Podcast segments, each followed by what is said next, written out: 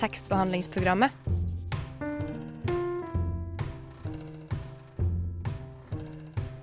Tekstbehandling på radio. Eh, for to uker siden anmeldte vi den nylig utgitte tredjeutgaven av poesiantologien Den engelske kanal. Og uka før var jeg og vår medarbeider i programmet Ylva Nordbø på lanseringsfesten på Kunstnernes hus. Så det eneste naturlige å gjøre videre måtte jo være å invitere redaktøren for denne antologien, Jørn Svern, eh, hit i studio. I tillegg til å være redaktør er han også forlegger, oversetter, forfatter som gir ut egne bøker på England Forlag og på Kolon, som for øvrig er det samme forlaget som utgir Den engelske kanal, og han er musiker i bandet Ulver, som de sikkert, som dere sikkert kjenner til, så han gjør mye. Eh, han kommer hit i dag. Eh, mitt navn er Marie Vallestad, og med meg i studio har jeg Maria Lokna. Yes, hei. Hallo. Jeg er din kompanjong i dag. Yeah. Og i dag skjer det ganske mye på sending. Mm. Ja, for etter eh, vi har snakka med Jan Sværen, så skal vi også få høre litt eh, slam fra Fredrik Høyer. Uh, når han var her tidligere i eh, vår, var det vel? Eller var det i høst? Mm, Det var i høst. I høst, ja. Den heter 'Jeg sitter her med en jente'. Eh, og i tillegg så kommer tekstbehandlingsprogrammet sin Maiken Bolseth innom og anmelder 'Glass, ironi og Gud' av Anne Karlsson. Gjendikta til norsk av Tone Hødnebø. Mm, så det er mye å glede seg til, altså. Mhm. eh, og det første som skal skje, er at Jørn Svern eh, er på besøk, men aller først så skal vi høre en låt. Den er innmari fet. Silvana Imam med 'Tend alla ljus'.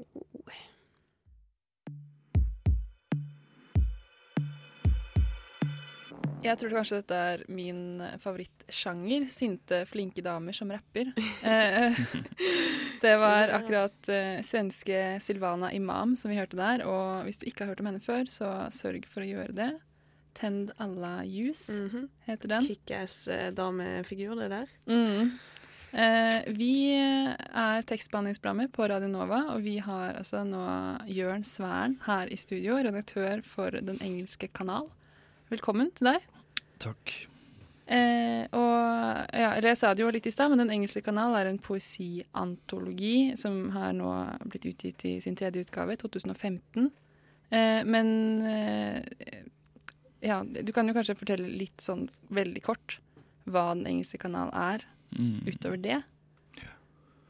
Jeg kan jo begynne hvordan den ble til, rett og slett.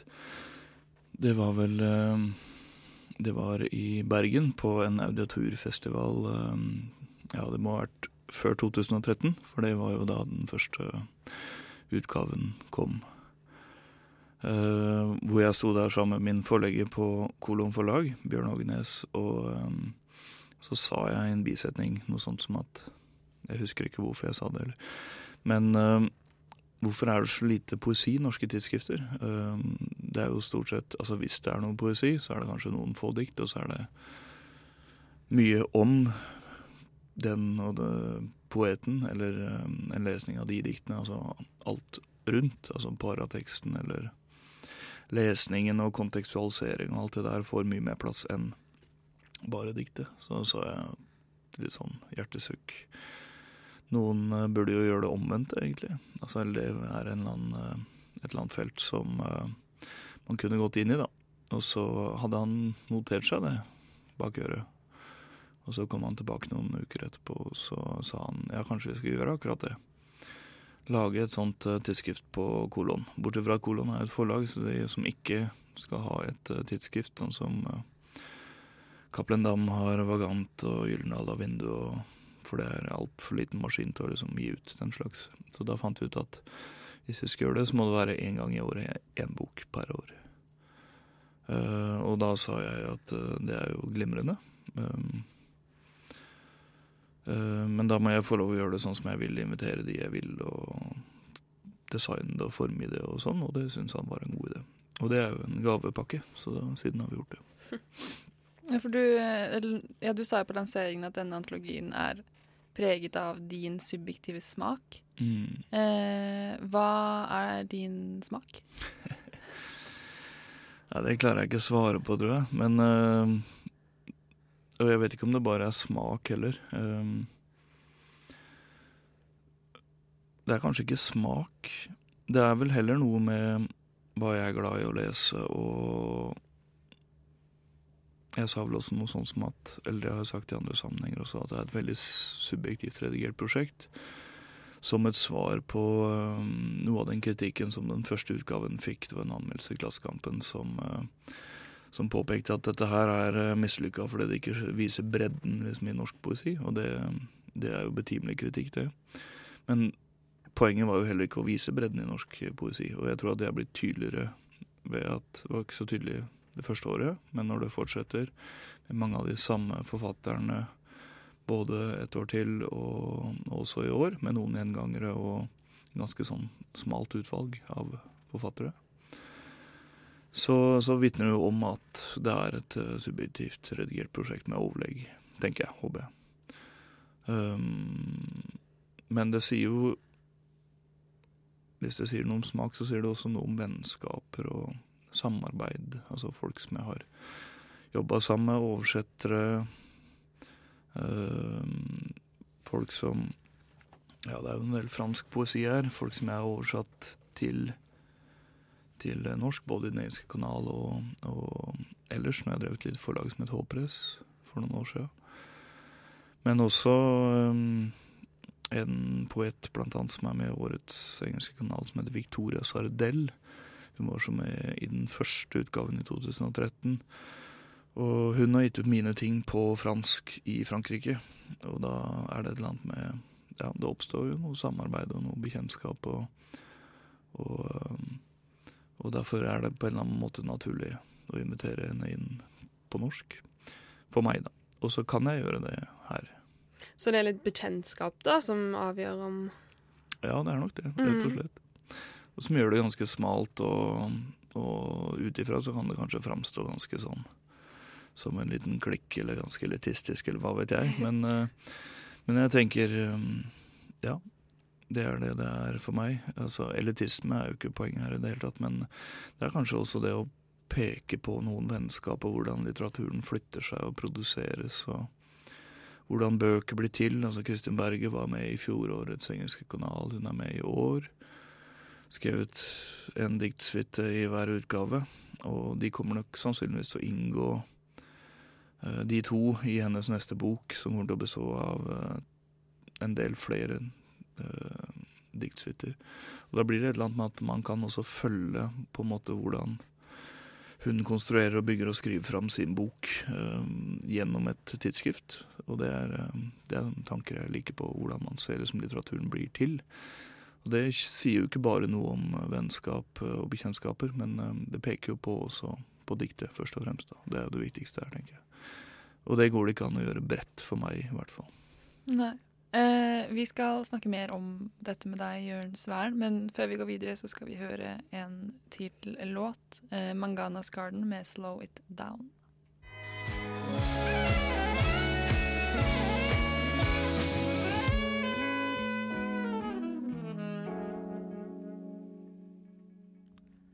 Den deilige saksofonsoloen som avslutta denne lille festen, tilhører Manganas Garden, 'Slow It Down'. A-lista spår at det kan bli en av sommerens eh, låter i 2015. Ja, det må jo bli det med den sexy saksofonen. Ja, De ja. selger seg jo sjøl. jeg har troa på det. Altså. Ja. Eh, det er tekstbehandlingsprogrammet som er på lufta akkurat nå. Vi har besøk i studio av Jørn Svern, redaktør for Den engelske kanal. Eh, og Jørn Svern, det er oversatt noen tekster her som originalt er franske. Hva er det med akkurat fransk eh, samtidslitteratur som, som, interesserer deg? Hmm. Ja Nei, det er vel eh, Igjen, da. Det er, det er nok ganske subjektivt, det også. Jeg leser jo eh, Fransk er jo det jeg leser i tillegg til eh, engelsk. Og da blir det liksom den franske og den amerikanske og britiske som er det jeg kan liksom orientere meg i uten å gå via oversettelse. Så eh, sånn, det er en naturlig konsekvens av det, rett og slett. Men eh, Og det, det har jeg også gjort når jeg har oversatt ting på andre forlag og tidligere og sånn også. At det er eh, fransk-amerikansk.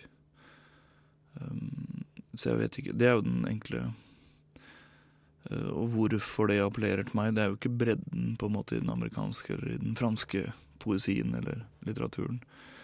Um, men akkurat hva det representerer, det, ja, det er en lang historie. Og det er Ja, det blir mer å gå inn i den franske og den amerikanske og sette det i båser. Det, det, ja, det trenger vi ikke å gjøre. Ja, kan gjøre det en annen gang, kanskje. Eh, men du har selv oversatt noen av disse tekstene. Eh, genre Journo, jeg vet ikke om jeg uttaler det riktig. Og sånn som du sa, da, Victoria Sardel. Hvem, hvem er de to? Ja Claude Journo er en uh, Han er, begynner å bli en gammel mann. Han er vel en av de viktigste forfatterne innenfor det man i uh, fransk poesi har kalt for liksom, den poesisekka, altså den tørre poesien. En ganske objektiv, metaforfiendtlig, kunne man kalt det, litt sånn klisjémessig ganske tørr, deskriptiv, uh, billedfiendtlig poesi, som samtidig jobber med bilder og, og, følelser og alt det der, men på helt andre måter. Uh, Victoria Sardell er et mer ubeskrevet blad, ganske en ung dame, født på slutten av 80-tallet. Um, som jeg bare ja, syns hun skriver kjempefine tekster. Hun har også mange tidsskrifter, faktisk. Og um, veldig mange av de setter hun for hånd selv. Hun har et lite trykkeri med blysats og lager bøkene for hånd. Som også en del sånn ja, type ting som jeg jobba med sjøl. Så det er en eller annen sånn En eller annen uh, familiebånd der i arbeids... Altså nærheten til til uh, produksjonsmidlene, holdt jeg på å si. Um, uh, ja. Jeg lurte på um vi snakket jo litt om her eh, før at uh, den engelske kanalen ikke har som mål å, å, vise noen bredde. Men tenker du at det er spesielt interesserte som skal lese den, eller kan det være en inngangsport for, uh, mm. til poesien for hvem som helst? Ja, jeg håper jo det, men altså det er, jo, det er jo ikke noe tvil heller om at mitt lille utsyn er jo mitt og smalt og farga av mine preferanser og hangups og, og sånt. Så så det er nok ikke det breieste inngangen til, og hva det er en inngang til, det vet jeg ikke heller hva det skulle vært. For det, det er jo også ganske subjektivt for meg. Men jeg er ikke så opptatt av det, egentlig. Jeg tenker jo, og det er det som gjør det til en gave å kunne lage dette tidsskriftet eller denne antologien. At jeg kan være såpass uh, smal i huet. Men jeg håper jo at, uh, at noen uh, men det er nok ikke den enkleste eller bredeste inngangen til poesi generelt. Det, det er det nok neppe. Men, men, tenker du at du har en sånn kreativ rolle som redaktør? Ja, det måtte jo vært i sammenstillinga eventuelt. og Én ting er jo når man har alle disse tekstene, uh, få det til å fungere i en rekkefølge og alt det der. Um, og så, altså Invitasjonen til, eh, til, forfatterne, de svenske og norske og danske, altså de, de, som skriver på Det kan jo også sies, de uh, skandinaviske tekstene um, fra Sverige og Danmark sånn, de er jo ikke oversatt. Um, så det er også en sånn programting for meg, at vi bør kunne lese svensk og dansk, eller i hvert fall prøve. Uh, så det er ikke oversatt. Um, mens bestillingen til alle disse her er at det skal være noe nytt. Og at det bør være poesi på en eller annen måte. Og så står de fritt til å gjøre hva de vil. Og så, så, går vi inn i en sånn redaksjonell prosess etter at de har skrevet. Men i utgangspunktet så er det såpass åpent. Når det gjelder oversettelsene, så er det ting som jeg velger ut, og så prøver jeg å tenke fram en oversetter, hvis jeg ikke oversetter sjøl, som, um, som, jeg tenker at funker bra på dette. Vi skal fortsette samtalen med deg, Jørn Sværen, etter låta. Nok en A-listelåt eh, der. Jeg sa ikke hva den het. Den heter Skien, og den er med bandet Verdensrommet. Um, redaktøren for den engelske kanal Jørn Svern er fremdeles gjest hos oss i tekstbehandlingsprogrammet. Uh, og ja, uh, du sier at du Eller du har uttalt, du sa det vel i den første utgaven, at du savner poesi i norske tidsskrifter. Og at uh, den engelske kanalen skal bøte på det. Eh, og samtidig så, så, har du fylt denne utgaven fra 2015 med 30 sider med, med bilder av dykkerdrakter. Og så Eh, tenkte jeg bare, eller slo meg litt sånn Hvorfor eh, får det så mye plass hvis du savner, savner mer poesi? Mm. Nei, det er et jævla godt spørsmål. Altså, eller øh, Forlengelsen av det. Du nevnte noe sånt for meg før vi gikk i studio også, at, uh, at du hadde tenkt å spørre om det. Og, og det fikk meg til å tenke litt. Uh, for jeg tenker jo at alt dette her er poesi, så jeg ble sånn Men er det ikke bare poesien her? Bildene er jo et oppl opplagt Opplagt noe annet. Um, uh, men det er kanskje tydeligere også i de forrige utgavene, altså to foregående årene, at uh, hvor det også er plass til noen prosatekster. Som på en måte har noe av det poesien har i mitt hue. Altså konsentrasjon, intensitet, altså noe typisk sånn poetiske altså Det dreier seg ikke om at det må se ut som et dikt på sida. Bildene gjør jo ikke det i det hele tatt. Det Amalie Smith, som har lagd det bidraget, hun er både billedkunstner og, og forfatter. Skrevet romaner og dikt. Og. Så hun hadde, hun sa egentlig enten så har jeg en tekst, eh, eller så har jeg jobba en del med, med dykkerdrakter i det siste. Så har jeg en del billedmateriale. Så tenkte jeg i Den engelske kanal så er jo det perfekt med noen gamle dykkerdrakter. Tre snitt av, av diverse drømmer om dykkerdrakter opp gjennom historien helt fra antikken. Så det, det var mer det. Men eh, tilbake til Jeg syns det er et jævlig godt spørsmål, for hva er poesi, rett og slett? Og Carl Larsson er jo også en annen eh, Carls eh, som har vært med hele veien. Hadde en tekst i den første utgaven, og har også en tekst nå. Svensk poet, men også billedkunstner. Og han sier et eller annet sted at, eller han skriver et sted at 'poetry is the enemy of capitalism'. Og da ble han på en måte utfordra på hva, hva legger du i poesi og prosa. For han er sånn Og da sier han at prosa, det er den enkle definisjonen, er liksom avslutta setninger. Med for bokstav og punktum. Og så er det ikke så enkelt, men han kaller det som hele verden for prosaisk. altså Prosaen er det som omgir oss hele veien. Liksom rutinen og rytmene i livet vårt, og vi tror vi stadig må ha nye biler eller klær eller uh, flere barn eller uh, større leilighet eller Altså alt, det som bare tikker og går, da. Og, og, vi bare føyer oss inn i den svære fortellingen som, som er diktert av samfunnet eller, eller kapitalismen, hvis du vil være mer paranoid, eller um, Så det poetiske består liksom med å gripe inn i det og rykke, liksom, pirke det, det opp, sprenge det. Så min opplevelse av, eller liksom, forståelse av poesi er nok mer i tråd dreier seg ikke om hvordan ting ser ut på papir i det. Det er jo ikke gitt at det uh, lyser fram av et antologiarbeid, men for meg så er ikke poesi Det er mer en tankemåte enn en uh, sjanger. Tenker du da at gjennom Den engelske kanal så kan du være med på å utvide begrepet poesi? Ja, det håper jeg. Og det er vel eh, Det er jo en mulig lesning eller en svar på liksom det. Hvorfor er disse andre tingene her? Er dette poesi, eller hvorfor ikke? Det er i hvert fall noe annet enn om man ville funnet i i en uh, poesiantologi uh, som skulle tatt for seg bredden av den norske poesien, i hvert fall. Og det utvider begrepet, og det pirker i det, og det snur det på huet, kanskje. Alle sånne ting er bra ting. Hva har, eh, hvordan er interessen for antologier i, i dag? Da?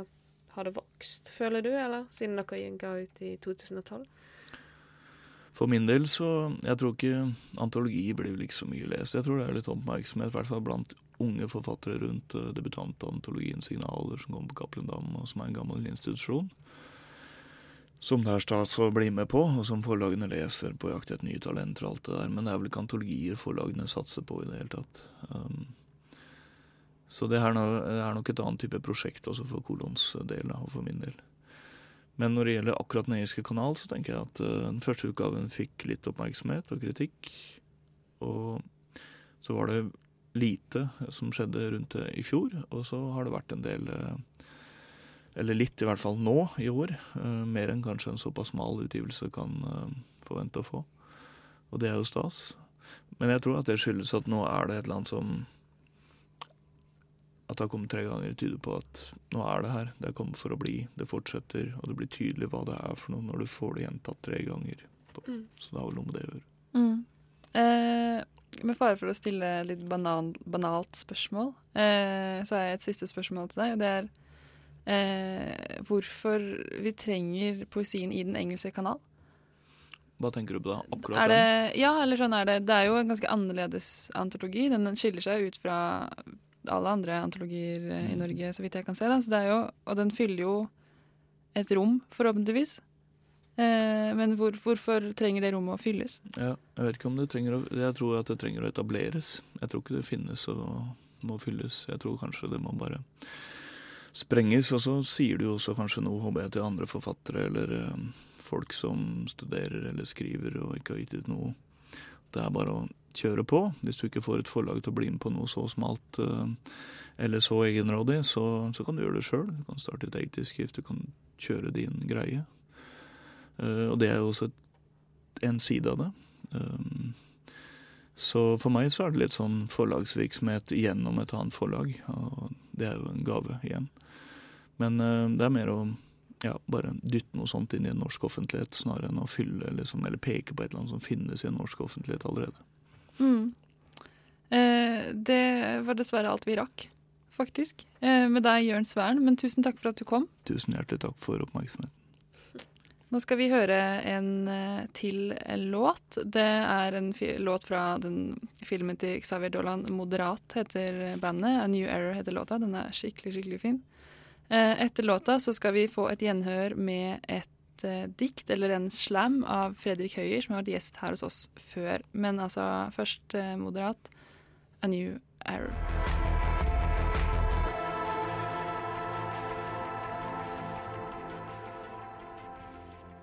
Jeg sitter på en restaurant, og jeg vil vekk.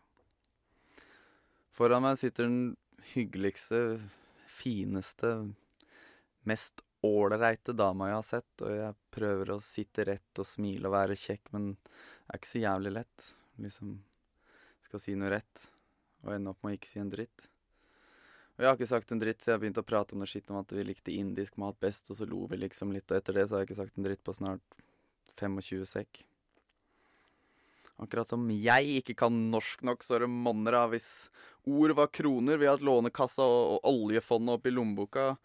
Jeg har skrevet en bok, for faen. Jeg kan rime fast en hindu på et vindu på en sommerdag. Men alt jeg greier å komme på av samtaleemner nå, er hva hun studerer og hvor hun kommer fra. Hva faen, Fredrik, kom nå. Bare se på jenta hvis hun kjeder seg noe mer nå, så sovner hun.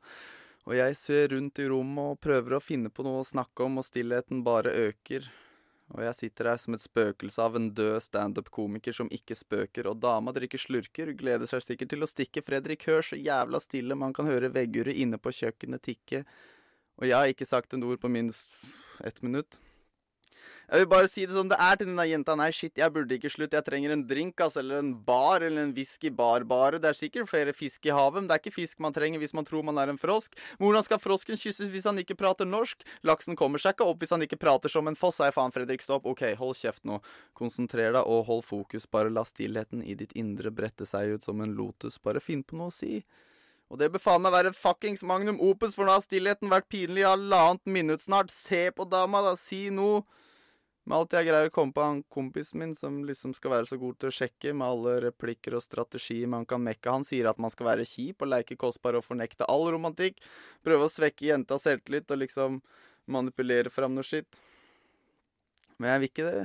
Og dette her må jo være verdens lengste pinlige stillhet snart. Braser blir inne folk fra Guinness. Jeg vil bare si det som det er til denne jenta her, uten å tråkke på noe tær eller disse noens klær. Noe sånn seriøst, Fredrik. Jeg hører på deg sjæl her. Hvis verden var så romantisk som du ville ha det, ville du sikkert begynt å male denne damen og gi bort i gave. Sammen med en bukett tulipaner og noe sjokolade. Skulle hørt på han kompisen sin. Han bare Fredrik, kjæreste er som en radiobil. Det er bare morsomt i starten, det går treigt, og det er latterlig dyrt, og helt mot slutten så prøver man bare å skade hverandre. Kjøre i felgen, kjøre rundt for å bli ferdig, og helt til slutt så kjører man bare helgen. Vi satt i parken, husker jeg, og så på en fugl, og han sa 'næsj, skal du på date?' Så jævla døvt, det er bare piss, det er ljug. Kompisen min sa 'bare vent', Tar ikke lang tid fra du ser henne til du tenker 'hva faen skjer da?' Du står og handler barneseng på Ikea Mea, og du er ikke lenger singel da, men gift med en grinete engel med libress med vinger som flyr på shopping til penga flyr vekk, og hun blir dyrere enn en minibar. Tar all verdens tid i prøverom, man kan ikke engang måle hvor lang tid det tar, og ikke minst en gang i måneden møter man hennes verste side, svigerfar. Han spurte meg 'ei, veit du hva som er forskjellen mellom mann og kvinne?' Ja, så jeg sa ja, ved siden av at de lukter godt og ikke kan rygge, sånn bortsett fra at de går rart i trapper og ser sexy ut, sånn unntatt at de drikker gratis og får taxirillett. Nei, sa kompisen min. Er det at alle jenter i hele jævla verden er klin jævla gærne, og de er det fordi alle menn liksom er født uten hjerne. Vi tenker med andre ting. og Jeg sitter og ser på jenta her tenker fy faen, det er sant, det stemmer. Det er ikke lett å være jente heller. Prøver å dra på byen og har det gøy på jentekvelder hele tiden. Det kommer en teit fyr bort og spør hva du heter, og maser om hvordan man måler opp 24 cm. Og med en gang man har fått han første dusten vekk, så kommer enda en hvit ridder i rustning som har begynt å ruste litt og begynner å sjarmere det, han òg. Spør om faren din stjal stjernene og satte de i øya dine, men jeg sitter og ser på jenta og tenker fy faen, det der er sant, jeg mener det. Hvis faren din var en tyv, ville han vært David Toska, forkledd som Arne Treholt og politiker i Moskva som feilparkerte mens han røyka hasj og gjorde postran, for øya dine glinser mer enn xenonlys som drikker vodka. Jeg vil bare si sånn Åh, du er så fin og mild som hu huet mitt mot puta når jeg sovner inn, og engler kommer inn og drysser måneskinn, og jeg faller inn i en drøm som et sommerfuglvingeslag på hånden min. Jeg vil bare si sånn Å, du er så fin! Hvor skal jeg begynne? Du jazzer opp hele livet mitt. og får meg opp til stående applaus som gruvearbeider i Chile. Du er min gudinne, og du er sexy som et lammelår. Du er heit som et politisk klima nede i Kandahar, og enda mer naturlig enn en avatar som er veganer og indianer og jobber i en salatbar. Og husk det, vit det, for hver dag som går når du spiser lett, ikke spiser fett, gå på proteindiett, ha på sminke i ett sett, ikke stress, er ett fett. Jeg liker deg uansett om du er stor og god eller tynnere enn ikke noe, om du digger hamburger med en liter cola eller bare drikker Litago, om håret ditt er svart, oransje, brunt, selvlysende gult. Det er like kult hvis vi kutter strømmen nå, slår lyset ut, da ser begge vi helt like ut. Om du er kristen eller muslim, er edru eller full og fin, om du er jomfru eller har fått flere staver i underlivet enn asfalt i rulleskirenn, om- du er sur eller søt, om du lukter blomster eller løk, om du har en master i siv økkel, en IQ som må presenteres som en brøk, om du digger joggebukse, kjole, bunad eller hijab, trippel D-kopp, vi tar en tekopp, det betyr ikke en dritt, ass. Bare du hører når jeg snakker Når jeg prøver å si at du er deg sjæl, og du er vakker, og jeg vil bare ta denne fuckings indiske Midiak-kniven her, skjære ut hjertet mitt og gi deg alt det der, ville jeg si, men jeg kunne jo ikke det. Så jeg spurte om hva foreldra hennes dreiv med. Hallo, Chartersveien her. Jeg passer jaggu meg inn i tekstbehandlingsprogrammet også. Jeg syns at døra bør stå på gløtt. Tekstbehandlingsprogrammet holder døra oppe for alle. Lar du døra di være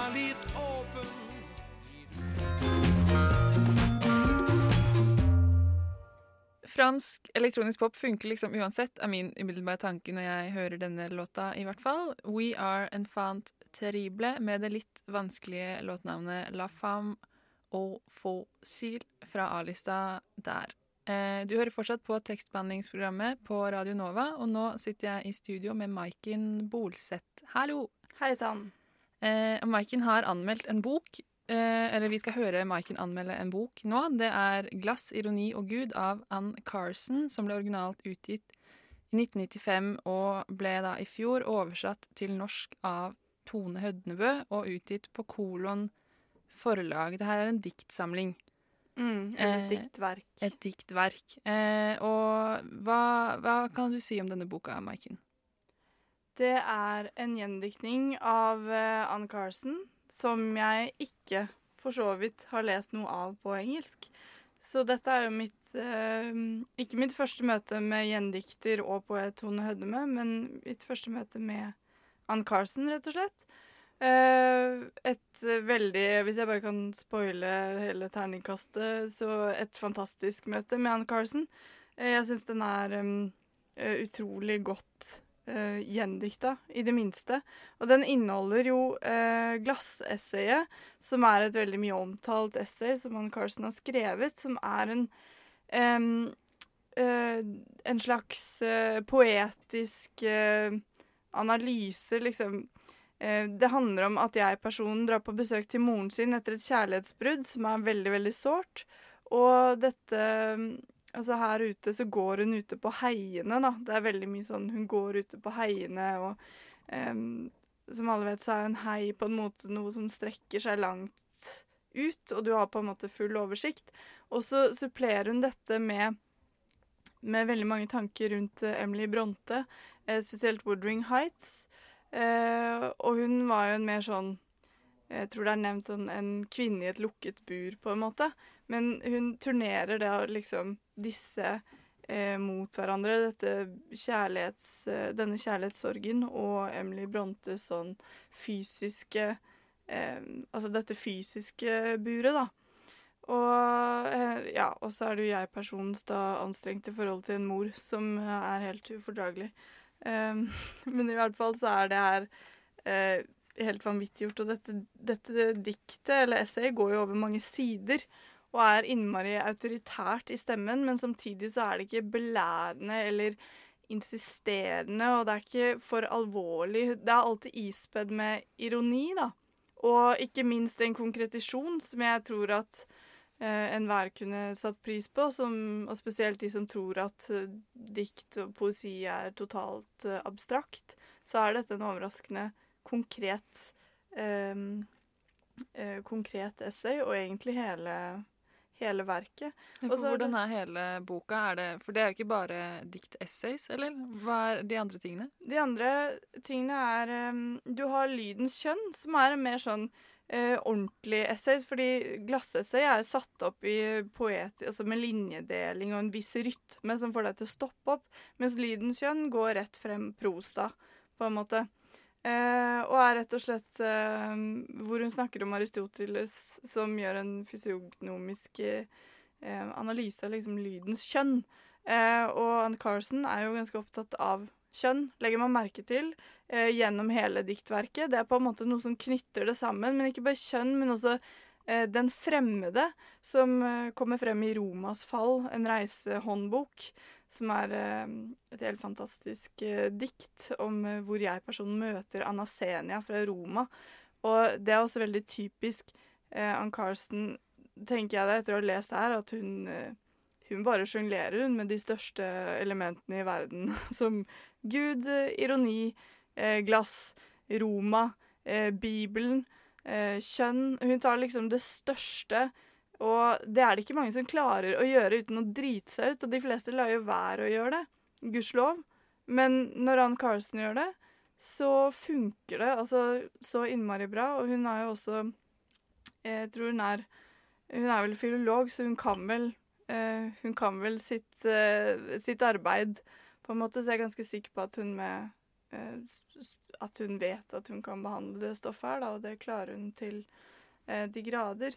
Jeg tenkte jeg skulle lese et um, uh, bitte lite stykke der hvor jeg mener at det kommer veldig frem at hun jobber med uh, møtet og den andre og den fremmede, og hvem er den fremmede, og um, den tematikken der, da. Det er fra side 101, og det er fra den som heter Romas fall, en reisehåndbok. En fremmed er en som står i døråpningen, svett og perpleks, og lar hunden stikke av. Anasenia løper etter hunden, ned fem trapper. Hun kommer tilbake, mens jeg fortsatt står i døråpningen. Det er et vanskelig øyeblikk. Tredje møte. Unnskyld, kan jeg likevel få komme inn? Skal jeg like godt sette meg? En fremmed er en som er desperat etter en prat. Så hvordan kan det ha seg at jeg aldri har noe å si? Mm. Det var et lite dikt. Ja. Eh, har du noen tanker rundt språket i boka? Selv om det er en oversettelse, så har den jo en viss eh, Det må jo være noe med Tone tonehøyden også? norske Mm. språket, hvordan det fungerer. Eh, nå vet jeg jo ikke helt hvordan dette, hvordan norske språk forholder seg til originalen, men av det jeg leser i den norske oversettelsen, så er det jo gjendikta med en helt vanvittig stor respekt. Og rytmen er Altså, den er suggererende og får deg til å Altså, jeg leser ofte i et innmari hurtig tempo, men det er på en måte noe som får deg til å stoppe opp hele tiden. Og den hun har fått frem det jeg regner med må finnes i Ann Carsons poesi også, da. Dette autoritære som insisterer på den langsomheten, at du skal bli hele tiden i de der bildene, da, for det er et veldig billedlig univers. Så, og det norske sprø språket hun har kledd i, er utrolig eh, både vakkert og morsomt og alvorlig og har veldig mange forskjellige toner, da, som, eh, som jeg da regner med at Ann Carson har, og som jeg regner med at det er det Tone Hødnemo har satt pris på hos Ann Carson, og som hun har prøvd å få frem også på norsk. Og det syns jeg hun har klart helt vanvittig godt. Mm. Så en konklusjon Eller den har vi kanskje spoilet allerede. Ja. Men uh, Alle burde lese 'Glass, ironi og Gud'. ja. av Ann Carson, altså. Eh, takk for anmeldelse, Maiken. Eh, nå vil jeg spille en sang som har vært en av mine favorittlåter siden jeg tror kanskje så lenge tilbake som 2008. Da jeg fant den på en liten sånn compilation CD i et amerikansk musikkblad. Hvor for øvrig også det var en Fleet Foxes-låt før Fleet Foxes ble Fleet Foxes, holdt jeg på å si. Dr. Dog med 100 Years. Det var visst alt vi hadde for i dag. Eh, vi avsluttet sendinga med eh, kanskje en av verdens deiligste låter, eh, syns jeg. 100 Years med bandet Dr. Dog. Eh, den siste timen så har vi snakket om poesi og hva som er poesi, med redaktøren for Den engelske kanal, Jørn Svern. Og vi har fått en anmeldelse av Gud, glass og ironi av Ann Carson. Og vi har hørt en liten slam med Fredrik Høyer. Og hvis du har eh, hørt bare slutten, eller du ikke fikk med alt, eller vil høre alt, så kan man gjøre det også. Da kan du gå på tekstbehandlingsprogrammets nettsider på Radio Nova, eller du kan gå på vår Soundcloud-konto. Eh, og da kan du høre alle våre tidligere sendinger akkurat når du vil, og hvor du vil. Perfekt. Mhm. Og så har vi jo ny sending neste uke. Mhm. Hva skjer da, Maria? Nei, vi skal få besøk av eh, Eivind Hofstad Evjemo, som er redaktør for eh, neste utgave av Signaler, som er et tidsskrift med nye stemmer, er det ikke sant? Ja, med debutanter. Vi snakka vel faktisk litt om det med Ja. Sværen, tror jeg. Um, og i tillegg så skal jeg eh, og Susanne ta med opptakeren og sjekke ut litterær salong på Westerdals i kveld. Og i morgen så er det Forfatterskolen i Bø som skal ha opplesning i Oslo. Så det er mye å glede seg til. Mange nye stemmer, rett og slett. Mm, Jeg tror det Ja, det kommer til å bli kjempefint. Mm. Eh, og nå etterpå, hvis du ikke hørte Teknova i går formiddag, så har de reprise nå klokken 11. Så det er ingen grunn til å skru av Radio Nova. Stay tuned. Yes. Mitt navn er Marie Vallestad, og med meg i dag har jeg hatt Maria Lokna, og vår tekniker har vært Snorre Wiggen. Takk for oss.